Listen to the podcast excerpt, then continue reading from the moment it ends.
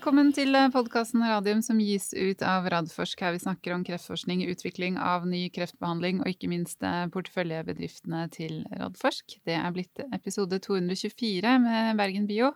Det er 27. april, klokken er halv tolv. Velkommen, Jonas Einarsson. Tusen takk, Elisabeth. Alt bra? Alt bra. Her er det alt, alt, alt, i orden, og vi er ikke klare for nye, nye oppgaver. Selv om vi snakket om litt før sending at det er eh, jo rimelig turbulent nå de siste dagene. Men eh, vi kommer gjennom det òg. Da snakker jeg om markedet. Du snakker om markedet, det er bra. And uh, well, a warm welcome to Martin Olin, CEO in Bergen Bio. Takk, Elisabeth. Og takk fordi du ville ha meg her i dag.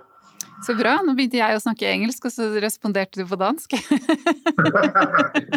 Nei, jeg syns når vi kommer litt lenger inn i samtalen, da er det bedre at vi kjører på engelsk. Ja, så bra. Veldig, men veldig hyggelig å med, ha deg med. Og som jeg skjønner, så sitter du i, i Oxford?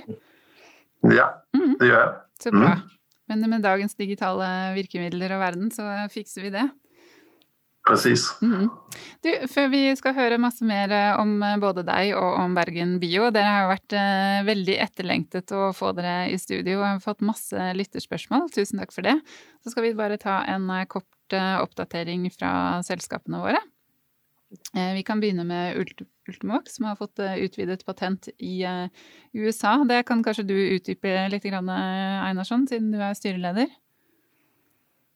Ja, Nå får jeg holde meg til pressemeldingen siden jeg er, er styreleder. Men eh, det er, det er jo veldig, veldig, hyggelige nyheter. Eh, det viktigste er jo at det er en veldig, veldig bredt patent som eh, omfavner bruken av UV1 sammen med, med alle da kjente typer av checkpoint-hemmere, altså ZA4, PD1 og PDL1, i alle indikasjoner. Eh, og gir jo da en eh, forlenget eh, patenttid på den kombinasjonen. og Det er ingen hemmelighet at det er det vi i Ultimax sikter på, er jo kombinasjonsbehandling. Sånn at det, det gir jo et utvidet patenttid til i hvert fall 2037. Og kanskje det viktigste er at mange av disse sjekkpunkthemmerne går ut av sin patent lenge før den tid. Sånn at dette er også en mulighet til å forlenge patenttiden til sjekkpunkthemmerne, men da i kombinasjon med UV1. Så det er, eh, det er svært gode nyheter. Mm, høres ut som en vinn-vinn. Ja. Mm. Eh, vi kan gå videre. Vi har snakket mye om tilgang til eh, behandling i, i Norge, altså vært litt politiske i det siste. Og så tenkte jeg bare skulle høre, eller bare si litt om dette pasientoppropet, eller pasientoppropet.no. Um, for der har jeg snakka med, med, Thomas Aktesen, som vi hadde med oss fra Kreftforeningen i går. Og han kunne fortelle at de postene de har lagt ut om, om pasientoppropet, eh, har fått 1,3 millioner delinger på Facebook, noe som er de mest eh, altså delte posten de noensinne har hatt i Kreftforeningens historie. Og de har jo en vanvittig rekkevidde fra, fra før av. Så det sier jo noe om engasjementet her. og det er det dette er, da, det er jo et opprop fra nå er det vel 30, kanskje til og med flere enn 30 pasientorganisasjoner som eh, krever at regjeringen skal sørge for raskere tilgang til eh, nye behandlinger i Norge. Og det er jo ikke kun um, Kreftforeningen og andre pasientorganisasjoner som, som, holder på med kreft, men det er jo mange. Eh, og så så vi også at i Beslutningsforum på mandag så fikk man jo endelig godkjent denne nye medisinen på, på cystisk fibrose, som eh, mange har etterspurt, og hvor til og med pasienter i Norge har varslet at de kom til å flytte til Danmark, hvor de kunne, kunne få den. Så det, det, er mye som skjer innenfor det området nå for tida, Jonas? Ja, det, er, eh, det, måtte vel komme før eller siden, et sånn ordentlig grasrotopprør på dette her. fordi eh, nå er det veldig mange, både Kreftforeningen og vi og andre, som har eh, jobbet med denne saken veldig lenge. og Altfor ofte blir det da en sak mellom Big Pharma, som skal tjene penger, og myndighetene, som skal spare penger. Eh, og pasienten blir eh, skjøvet til side. Og det har jo vært nok av enkelthistorier i mediene rundt pasienter som ikke har fått behandling eller har måttet betale selv. Og Vi har også snakket om det todelte helsevesen som dette fører til. så i mine øyne var tiden overmoden for at folk nå, eh, også pasientorganisasjonene og alle, sier ifra at dette er uholdbart som det er. Vi må finne en løsning, og det er rett og slett det pasientoppropet krever. Det er at når en medisin er godkjent av de regulatoriske myndigheter, så skal den stilles til disposisjon for pasientene. Og så er det opp til myndighetene å finne en løsning på det økonomiske problemet, og ikke skyve prisen foran seg for at pasientene ikke skal få så Jeg setter veldig stor pris på at det nå virkelig er blitt et så stort engasjement rundt. og vi, vi støtter jo det helhjertet, at det må av alle årsaker, men ikke minst av pasientenes øh, årsak, at dette må gjøres noe med. Mm.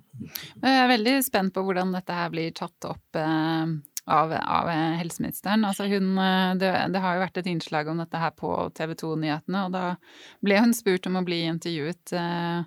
Jeg tror hun ble intervjuet, men da på Stortinget, men ikke ute blant, blant pasientorganisasjonene. Så ja. Vi, eh, vi, vi, får vente i spenning. Eh, så skal jeg purre på min invitasjon til å få Ingvild Kjerkol hit i, i podkasten. Eh, det, det, var de hjemlige nyheter. Da skal vi over til Bergen Bio. Og Martin, we have a tradition in the podcast that we ask the first timers to present themselves and background and experience a bit more broadly. So mm-hmm. the, the word is yours. Thank you, Elizabeth. And first of all, thank you for having me here. Um, well, about myself, uh, I'm actually originally trained as a CPA um, with one of the big five law, um, auditing firms. Um, but way back, and it's more than 30 years ago, I joined the industry with Novo Nordisk in corporate finance got expatriated, I think you call it that, to Paris and became part of the European management team in the sales organization, uh, which was actually uh, quite a journey, very interesting. Um, I got an offer uh, after my I finished my MBA to uh, be part of a, a, venture fund, which was originally called Medicon Valley Capital. So I was one of the uh, founding partners of that fund which later became Scandinavian Life Science Investment, um, which was a venture fund focusing exclusively on investing in life science companies spanning from very early stage into clinical development companies. And we were managing a portfolio of th- around 35 companies, mostly in Scandinavia, but also in Europe and the United States. And we were active investors in the sense that we would only invest in those companies if we could have influence uh, in the companies. So we would take um, minority stakes, but enough for us to have influence and impact the strategic development. So I did that for 12 years. Um, and uh, it was actually a quite interesting journey because you see a lot. We got, I think, 400 proposals on an annual basis. Um, and I was sitting uh, working actively with portfolio companies, mostly in Scandinavia, as a board member. So, broadly speaking, I've spent most of my career on strategic assessment, strategic development, putting together management teams involved in partnering, M&As, IPOs, or public listings. Um, and after those 12 years, I found myself in, say, I want to go back to the operational part. So I joined a company called Symphogen, which is a Danish antibody company.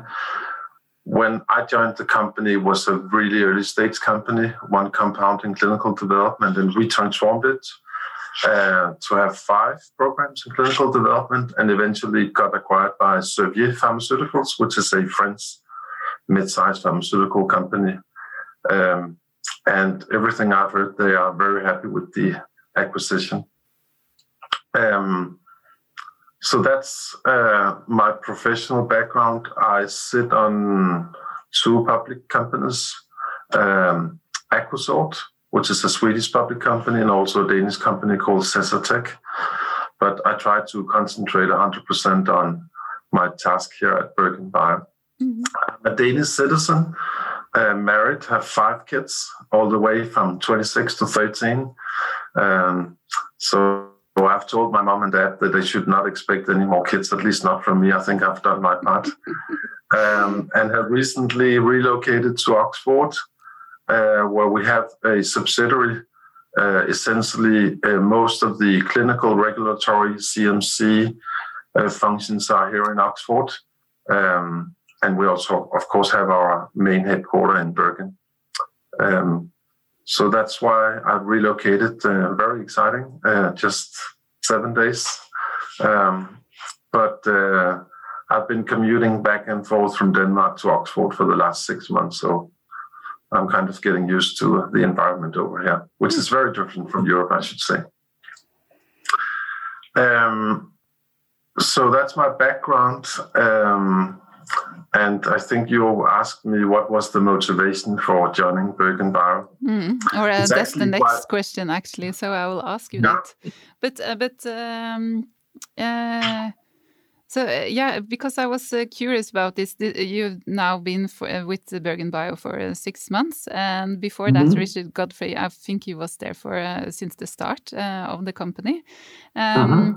And so, so what motivated and, and attracted you? So I, it's actually very simple. I, I, think you know. Also, if you look back in my career, although I have a, an accounting uh, background, I, I'm actually motivated and inspired by potentially helping patients who are at a life-threatening uh, disease situation. Um, and, and it's, you know, I get fascinated uh, by that ability or potential ability to actually help the patients, their families, and their caretakers. So that's the general motivation. But I should also say that I did work on the target itself, AXL, uh, in my previous uh, position with Symphogen. So we were also exploiting uh, from an antibody perspective, though, how we could inhibit AXL. Um, and I've always been intrigued by um, trying to inhibit AXL, which plays an instrumental role in a number of severe diseases. Um, and it has been over the last 15 years, I would say, recognized as an important target. Um, while no one has really succeeded, I would say, um, besides BerGenBio, uh, and I can come back to that. So I think BerGenBio actually are at that critical moment on its journey to hopefully be able to advance um, at least one of our drugs, bemcentinib, uh, which is in late stage clinical development, uh, to become potential therapies for the patients. So it, it was an easy choice, I would say. Mm. And has it uh, lived up to your expectations? Uh, even more so, I would say. Uh, you know, we, if we BerGenBio was founded many years ago, and I believe is still on the frontier of understanding the biology around AXL. Uh, we'll come back to that uh, a little bit later. Uh, but it, it's very unusual for a small biotech company, which I still think we are, to have acquired such an amount of knowledge around the target itself but also in particular bemcentinib, which has now been exposed or administered in more than 600 patients. That's quite a lot. Mm. Yeah, that's uh, mm. that's absolutely substantial. Um, yeah. We can go uh, over to uh, to the company and and the, the, technology and more about the AXL inhibitor. Um, uh, but firstly, maybe you can give us an overall presentation of, of Bergen Bio and an update on uh, where you are today. I mean, you have a lot going on. I would say, in a nutshell, BerGenBio is a company that is exclusively focused on the exploration of, of AXL as a target. And, and, by that, I mean the inhibition of it. Um, and, and we are focusing on situations of severe diseases where we know that AXL is upregulated. Uh, the company has, uh, through its journey, done an impressive amount of work, both from a preclinical but also from a clinical perspective, in the understanding of where does it make sense uh, from a clinical perspective, i.e., where does it, the patient benefit from inhibition of AXL. And we've done that primarily through uh, the exploration of bemcentinib, which is our lead molecule. It's an all the available uh, drug so a pill a day, uh, I use uh, to make it very simple. Uh, it's a TKI, uh, which is a class of molecules that is generally known to be safe and well tolerated. Um, and we have now administered bemcentinib through the clinical trials in various indications, being hematological cancers like AML, MDS, solid tumors, non-small cell lung cancer, uh, but also recently in COVID. And we have generated a wealth of information uh, and understanding around the molecule, which is quite exceptional. uh, if you think of who we are, a small biotech company. Um, and I would say that uh, those efforts and activities that the company has carried out are not in any way uh, lost or uh, you know lost efforts uh, because they all are leading into what we have defined as our focus strategy, uh, which is uh, situations in which the scientific rationale, i.e., why should you believe that this work, has been confirmed with preclinical data, uh, which is not humans, of course, but then we have also tested it in humans, uh, as I mentioned, across a number of oncology uh, indications, but also recently in COVID, which has now informed us to where is it most likely that, that the patients will benefit from being treated with bemcentinib, either alone or in combination with other drugs.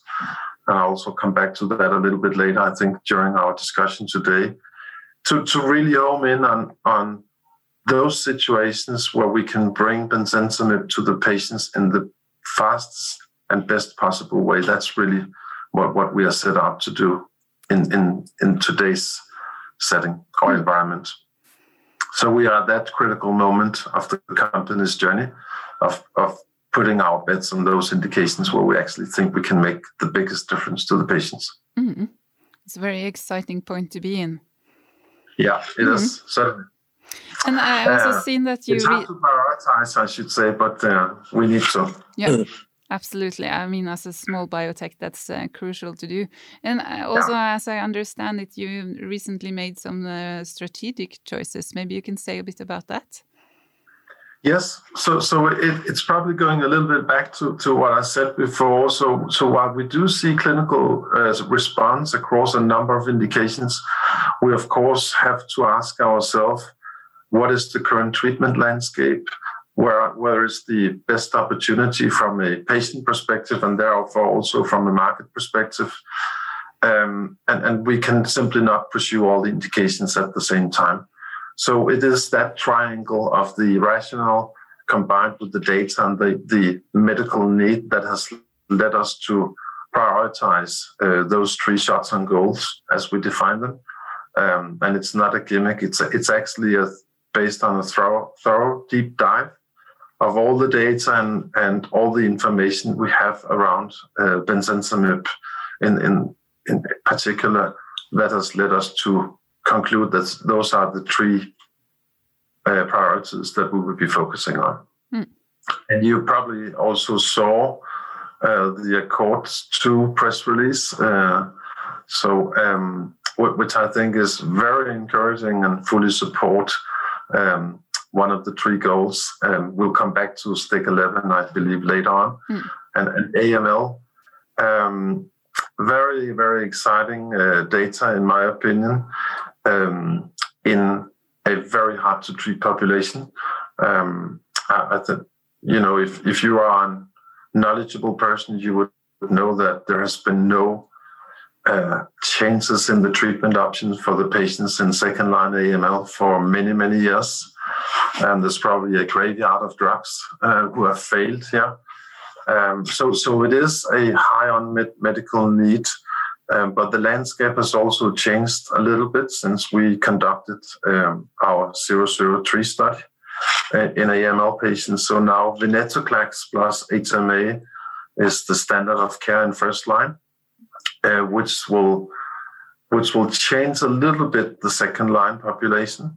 Um, so that's why we are, you know, really making sure that the encouraging survival benefit, uh, which is what you really want the drug, you know, to improve the survival, um, are very encouraging. We need to make sure that that benefit can be repeated um, in the new second line population that we will see because they will now have been treated with a different regime than than those patients we were seeing in our study.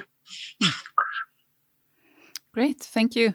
Um, if we go a bit more into the pipeline within uh, oncology, maybe you can give us an overview of the clinical programs you have running today. Yeah, so today we, we still we have two programs that are still running, which is the uh, 008 study, uh, which is the second line non-small cell lung cancer study, where we are investigating or studying bemcentinib in combination with chemotherapy and Keytruda. And that has been done in several cohorts. We have now enrolled the final patients in the final cohort. So we are waiting for the data to mature. Um, and um, we have seen initial encouraging data, but you know we, we need to be careful and not jumping to conclusions. So we really want the data to mature before we are making a final decision. Mm. I, I, think to that end, the, the excitement we have is really around STK11, um, which is a particular mutation in non-small cell lung cancer that is currently um, what you call a non-actionable mutation. And what do you mean by that? It is a the the, the disease itself, non-small cell lung cancer, is composed of several uh, diseases within the disease itself, meaning that there are drivers that causes the growth of the tumor, and, and they are different. Uh, and therefore, the traditional approach of chemotherapy plus a checkpoint inhibition, like Keytruda, does not work in, in these patients. Um, and in particular, STK11 mutation uh, confers to a resistance of checkpoint inhibition therapy uh, which means that the patients are not responding if uh, to checkpoint inhibition therapy or immunotherapy. Um, and it's a pretty significant piece of the non-small cell lung cancer patients, all up to 20%. Um, and we do believe that we are in a unique position. We can come back to that later on when we go specifically into that. Um, in so AML, we're looking to um, finalize the data, come back and, and, give guidance as to where we would go forward. Mm. But we do believe that data we have are very encouraging. In non-small cell lung cancer, again, we want the data to mature. Um, and we also need to evaluate it in the context of the STK11 opportunity, uh, which may be more like a first line opportunity and therefore much more exciting in my view, in my mm. perspective.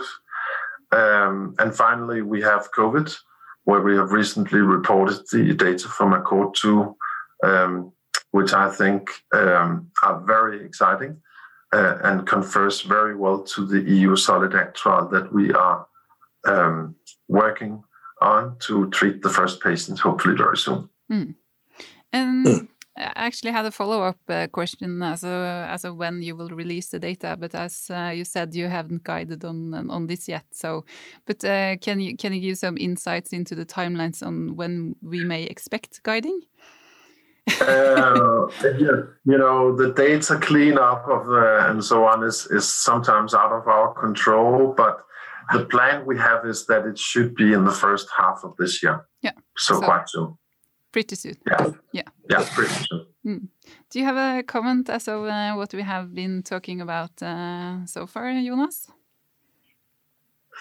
Well, uh, uh, uh, I fully agree that you have a lot of data, and, and uh, you really need that because, as we always say, it's it's all in the data, and, and then you have to confirm the, the preliminary data that you are, are going to show us now. So that's very exciting. I just had a question around the non-small cell lung cancer yeah. Uh, with the STK11. Uh, if you aim at that, and, and, I fully agree that if you can go first line, I mean that's the holy grail, of course.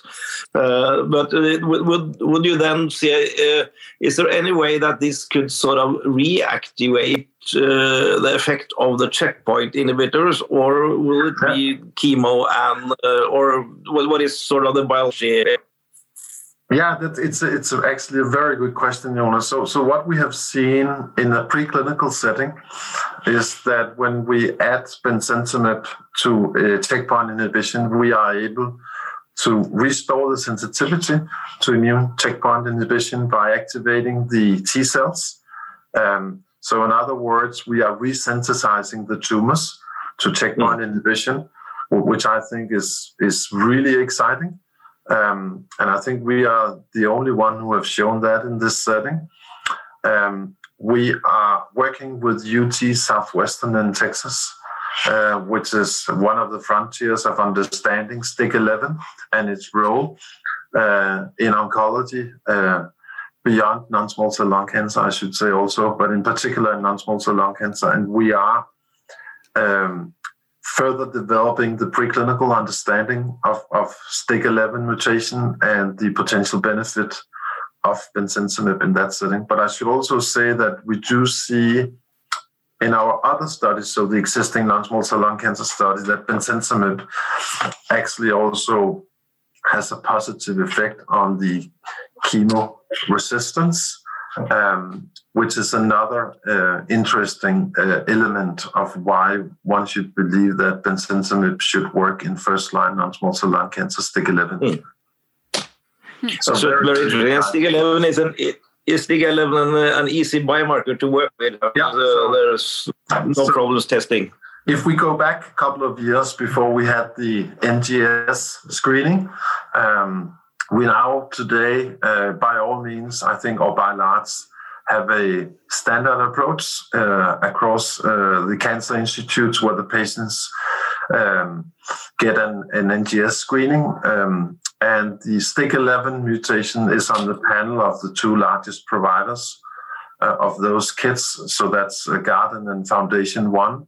There are others who also bringing it up. So it fits very, very well into what we're trying to do because we're not trying to change the treatment in the hospital. We, we are actually adhering to something that is already being tested today. So, what which yeah, I think um, is, is, very, very um, positive and unique in a way, because otherwise we would have to develop a assay of which could we could identify the patient. So the good news is that yes, it is on the panel of those tests that you generally will get in, in today's treatment um, landscape. Right. Yeah, that's interesting. And uh, of course, one of the main challenges is that uh, you have to look into the crystal ball and see that this new standard of care will hopefully not change in the in the next four or five years because uh, yeah. that's always a threat. And then if you as as long as you move uh, in, into first line, uh, that's a, a, lesser problem than uh, than if you are in second and third line.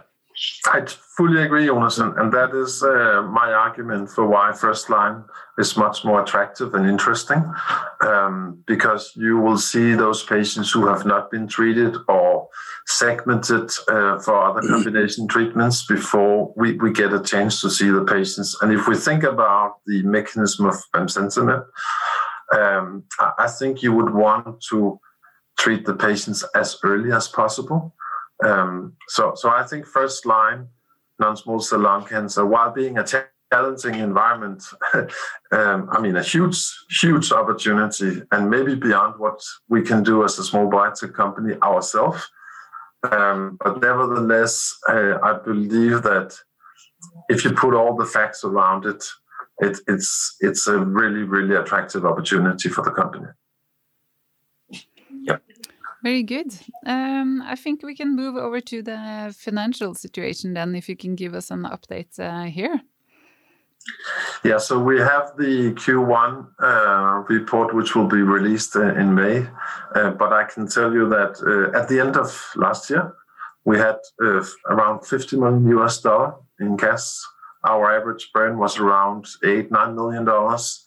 So if history predicts future, we are spending like $8 million a quarter. So that gives you our runway. So we still feel that we are in a good position from a financial perspective. Uh, and when I say good position, in a position to actually uh, advance and execute on our plan that we have communicated. Hmm. Sounds very good. And uh, also, I was wondering if you can say uh, say a bit about uh, BerGenBio's business model. Yeah, so I, I think this we were probably um, in the court of having an opportunistic approach. Uh, by that I mean that it, it's critical and instrumental for us that we are able to advance our plans by not being solely or exclusively depending on a partner, a specific partner. So we do operate on what I call an outsource model. So our manufacturing has been outsourced to a manufacturer who is specialized in this. Why would we do it ourselves? Um, and we are also working with CROs to conduct the clinical studies.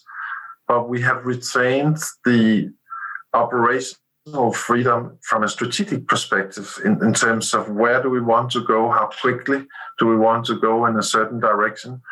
Um, and I think it's an important piece of our strategy that we are open to partnering, but we we should be open to partnering when it makes sense, and not just necessarily do out of um, of uh, panic or you know that, that we are scared. We, we have built our business based on the ability to execute on our plan. And we will then carefully consider partnering opportunities on our way, hopefully to the market as soon as possible. And the you know, in that journey when we get closer to the market, I think this is where the partnering opportunities are more imminent for, for a company like BerGenBio. But we certainly want to retain the flexibility um, in, in our efforts so long answer to a, a short question, but but it is important to retain that flexibility in, in our opinion. Hmm. Also, the, the especially when the, at least the two indications, or maybe even all the three of them, are big enough that they are all able, you know, to be extremely valuable, even to BerGenBio. Um, but we also have to ask ourselves, are we the right company to commercialize bemcentinib in these three indications? The answer depends on which region and country and line of therapy we're talking about. So, so it's not an easy answer, but um, at least it, uh, hopefully I've given you a flavor of how we look at it from a business perspective. Mm. Thank you very much. Absolutely. Um, before we go over to the questions from the listeners, which is uh, quite many, uh, what milestones should we pay attention pay attention to in the near future? Uh, definitely uh, STK 11, um, first line safety study, which is very important, followed by an expansion cohort, hopefully will which will give you an idea of the clinical efficacy. Um, the mature data in AML and second line non small cell lung cancer will be coming up soon. And the execution on the EU SolidAct trial in COVID, which is a crucial thing for us to validate or confirm what we have seen in our two previous COVID studies. Those are the most value, valuable milestones that I can see in front of us in the next 12 months, 12 to 15 months. Mm. Sounds uh, very, uh, very exciting. Mm. Mm. Getting results from uh, from all these uh, from all these uh, clinical studies. Uh, yes, then you are ready for the questions from the listeners. Yeah. Yeah, mm. good. we had quite quite many, as I said, and I will just read them up as we go along. the first one is uh, BerGenBio has earlier communicated launch of phase one B slash 2 clinical study STK 11 combined with an anti-PDL first half of this year. Do you still believe that the launch will be in first half? And is it decided mm. which anti-PDL the trial will be with? And do you think you will target first or second line patients for this indication? That's a very good question, actually. So, first of all, we will target first line uh, non small cell lung cancer for the reason I alluded to before. Mm -hmm. um, we are working as fast as we can, but it's also important for us that we do this right. Uh, and, and one of um, the things that is important here is that STK 11 is a relatively new uh, discovery, and we want to make sure that we have the engagement and the support and commitment from the key opinion leaders in non-small cell lung cancer. Uh, so we, we actually uh, which you don't know, but we are having a huge effort here in making sure that we understand the disease as much as possible. And we also therefore understand what are the patients who should be enrolled, how should we treat them in combination with Keytruda and chemotherapy, and are there any pitfalls here that we should uh, make sure we are aware of? And as I said, also we are conducting quite a significant preclinical work with UT Southwestern in Texas to expand our understanding of the mutational relevance of other co-mutations around STK 11 to really, you know, inform us as best as possible before we start the phase one study.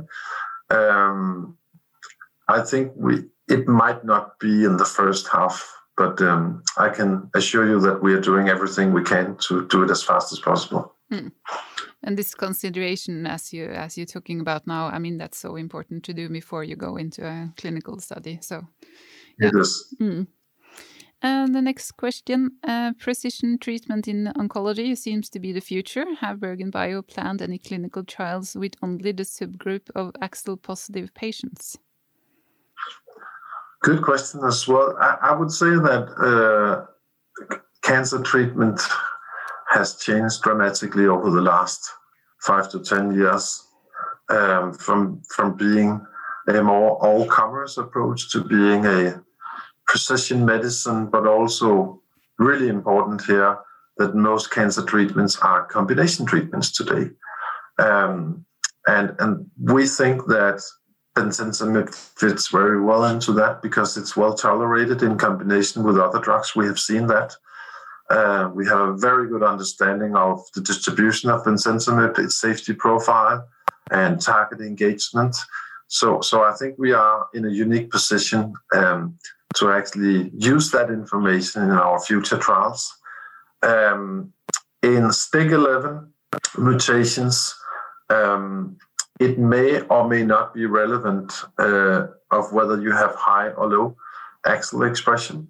Um, but we think it's in this situation, we believe it's more important to identify uh, the driver, which is in this case a STK11, than the level of AXL uh, expression. Um, and so what I'm saying is that we believe that it's the STK11 mutation, which is the driver, independent on the expression level of AXL. Um, but we are going to collect the information in our studies, so we will know whether the expression level of p-AXL in this case um, is a relevant determining factor for the treatment uh, that we will provide to the patient. So we don't have a specific biomarker effort around the first line non-small cell lung cancer as to the AXL expression level, but it's going to be an integrated part of the study that we will be doing. Does that make sense? Mm, absolutely. Thank you. Um, moving on, I several questions from one listener. I will just take uh, I will just, uh, actually read his uh, his email. Hi Martin. Below are questions many of us smaller to medium sized investors at techinvestor.no want answers to. I don't know if you're familiar with this internet uh, forum. Yes. Yeah. yeah. Uh, the first question As Chief Executive Officer at BerGenBio, what specific goals have you set yourself to achieve for Bergen BerGenBio Bemcentinib? How to achieve them, and what time horizon have you set? That's a very good question. Uh, well, I think for me, the personal goal is uh, I want to make sure that we have the right skills, capabilities, um, and talent to execute uh, on a strategy which will bring primarily bemcentinib to the patients within a reasonable time horizons, which is in my book two to three years.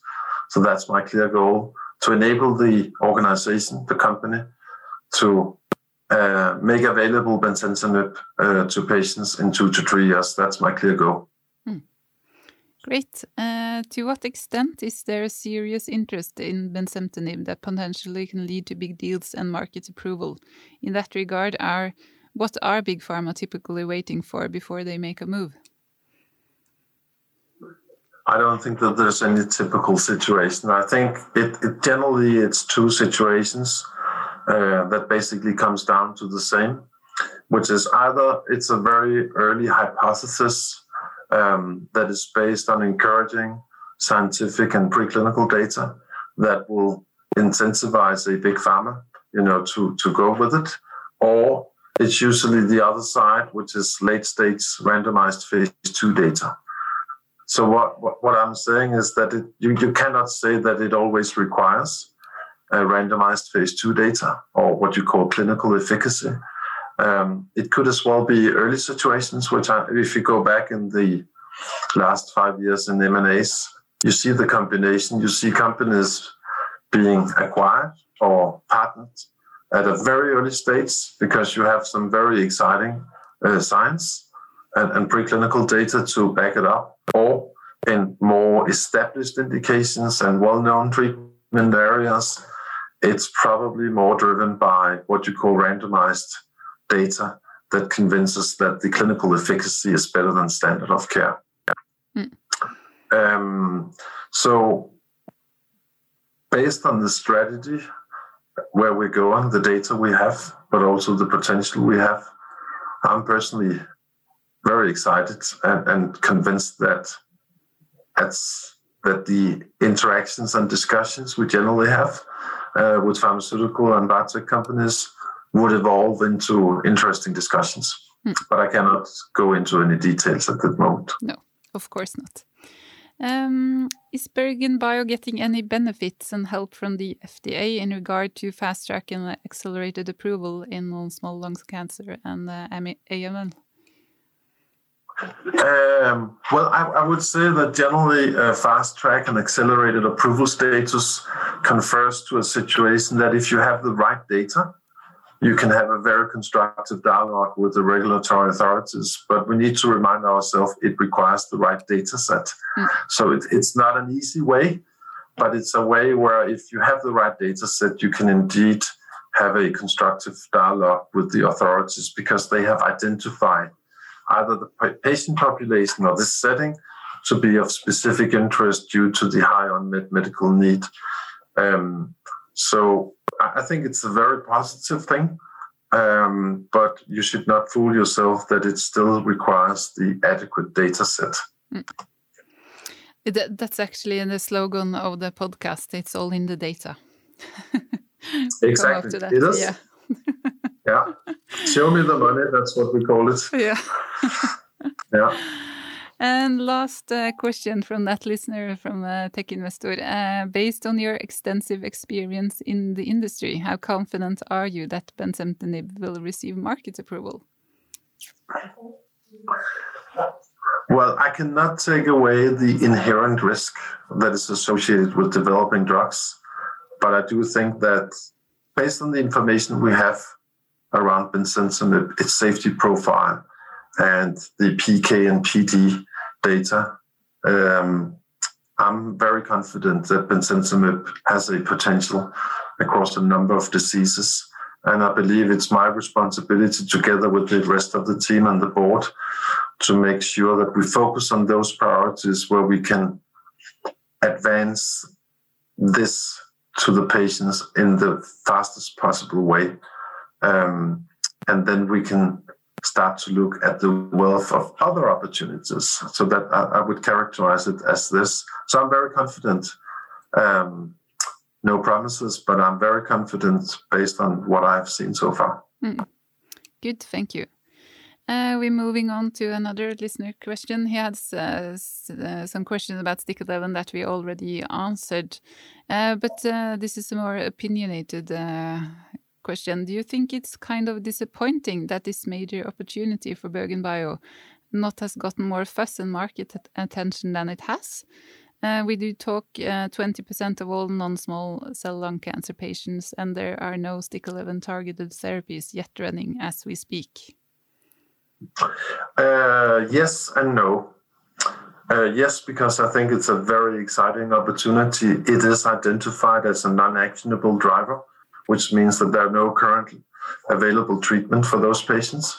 Uh, on the other hand, it's not unusual that in a new setting like this, I mean, it's a recently new discovery uh, where we are the first mover, I would say by large, uh, that it takes time to educate the community, the investors, um, by additional evidence, scientific material, and preclinical data before you really see the excitement. But personally, yes, I am disappointed, but I also understand that it's a journey mm. of, as you saw, it's all in the data. Show us the data, which we started uh, recently. So um, that probably explains it.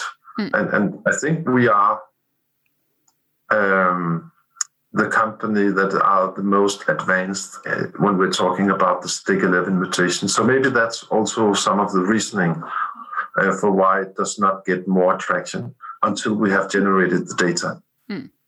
may it also been uh, be a background that we have seen a lot of failures in phase three uh, the last uh, half year here, so that people, I mean, should be cautious also uh, to wait and see the data. Absolutely, um, and, and, I think one of the things that we are prioritizing, uh, as I said, is the preclinical understanding uh, by making sure that we really do acquire what I call a domain knowledge around uh, the modality of STK11. You know, so what's the relevance of other mutations in this setting? Um, is there any benefit of introducing bemcentinib very early on, or you know, should you pause it in combination with chemotherapy and Keytruda or other checkpoint inhibitors? I, I think it's that understanding that is so critical that that you want to have it before you go into the clinic. Mm. Should be a scientific rationale behind it. Yeah. Yeah. Yeah. Uh, moving on uh, with the questions, uh, let us assume that bemcentinib deliver on one of the three shots on goal you have set up in the updated strategy plan and get an approval. How do you plan to take it to the market? Can you elaborate on how you plan the strategics at this point, both the production and marketing slash sales? Oh, that, that, that was a complicated question. So first of all, I, I, I on, on a manufacturing um, uh, on, on that front, on the manufacturing, what we are doing is to make sure that we are what I call phase three ready, and, and following that, we will also make sure that our manufacturing process can be approved for commercial use. Um, and I think we are actually uh, in a good place where we are today on, on that front. Uh, we are still small scale, but I think we have pretty solid evidence that it's straightforward if you can use that uh, to scale up um, the manufacturing for relevant commercial scale. On the marketing its uh, aspect, I actually think it depends on the situation. So if we take STK11 non-small cell lung cancer first line, personally, I believe this is beyond what a small biotech company can comprehend. But on the other hand, I also think if we have the data, I'm very assured that this will be very, very interesting to a number of pharmaceutical companies. And I would remind everyone that we do have a patent uh, recently uh, issued or filed that will protect us in this indication um, for another 20 years. So it's it's we have a really strong protection here. In AML, I think it's a different situation. I think you could go yourself in some regions, um, but you probably look for a partner uh, to co-market um, in AML. Uh, COVID, uh, I think, uh, is also again a specific situation where you have sales into hospitals, hospitals or national buyers uh, which is again a different environment from what a small biotech company would usually pursue. Um, but again, if the data is good, I think we have a um, a nice opportunity to discuss with uh, commercial partners. Um, and if we're talking beyond COVID, which for me is kind of also one of the reasons why, why we're doing this, because a lot of the viruses are using the same entry mechanism into the cells. So if we can prove the principle, which I think we to some extent have done in COVID. This should, in my mind, open um, the the way for exploring bemcentinib in RSV or other respiratory indications, which is still uh, quite severe, and a lot of patients actually die each year of those diseases. Hmm. So a lot of, of potential there. Yeah. Absolutely. Uh, next question. Uh, you have a new CMO as a Chief Medical Officer, Cristina Oliva. Uh, can you elaborate on her impact in the BerGenBio organization? Yes, certainly. So first of all, I'm actually very, very pleased that Cristina has decided to, to join us. Cristina's background um, is a medical oncologist, so she's actually been practicing and treating patients uh, with a wealth of experience um, in solid tumors and have been involved in a number of drug approvals over her career in solid tumors. Um, Cristina has a very nice network um, and is well respected in the community. um, have recently been with IQVIA advising pharma and biotech companies on the strategic development, specifically within oncology. So I think she comes with a perfect background uh, of where we are today. Um, and in particular, um, I like her background in terms of being able to transition the early data into late stage clinical development. Um, so I, I, think she is joining the company at exactly the right moment. Mm. Good to hear. Um, at uh, the American Association for Cancer Research uh, this year, AXL was a hot uh, topic and BerGenBio was represented as well. But you did not provide any information on this to the market. Was it strategic because your papers did not regard the STK 11 opportunity? In a way, yes. Um, so, of course, we are we were the uh, AACR because of uh, our non-small cell lung cancer second line um, data and, and efforts there. But the STK11 data, the preclinical data, we had already uh, announced those at the SITC conference. So we also want to make sure that when we come out with data uh, or scientific papers, that we get respected in the community. So, you know, don't tell me something unless it's new or further validation of what you have said previously. There's that element to it. Um, and we rather uh, make sure that we have um, completed at least some of the activities we are conducting on the preclinical front before we um, inform the market uh, with additional data around STK11. But that was a strategic decision, yes. Hmm. Good, thank you so much. Uh, actually, we have a few more questions left, but I see that we have run out of time for some time ago, and I actually have to move to another meeting. I'm so sorry for the delay today because of uh, some technical issues in the in the studio. But uh, it was so nice to have you with us, uh, Martin, and I hope you can join us in the studio later on, where we can speak uh, speak uh, Danish and Norwegian. That would be nice, Elizabeth, and thank you for uh, for having me. Uh, I look forward to uh, speak to you in the future. Mm, and best of luck with uh, all the exciting data that's coming up. And we will look uh, look at it and talk about it here in the podcast as well. Certainly. Mm. Thank you so much. Thank you so much. Bye.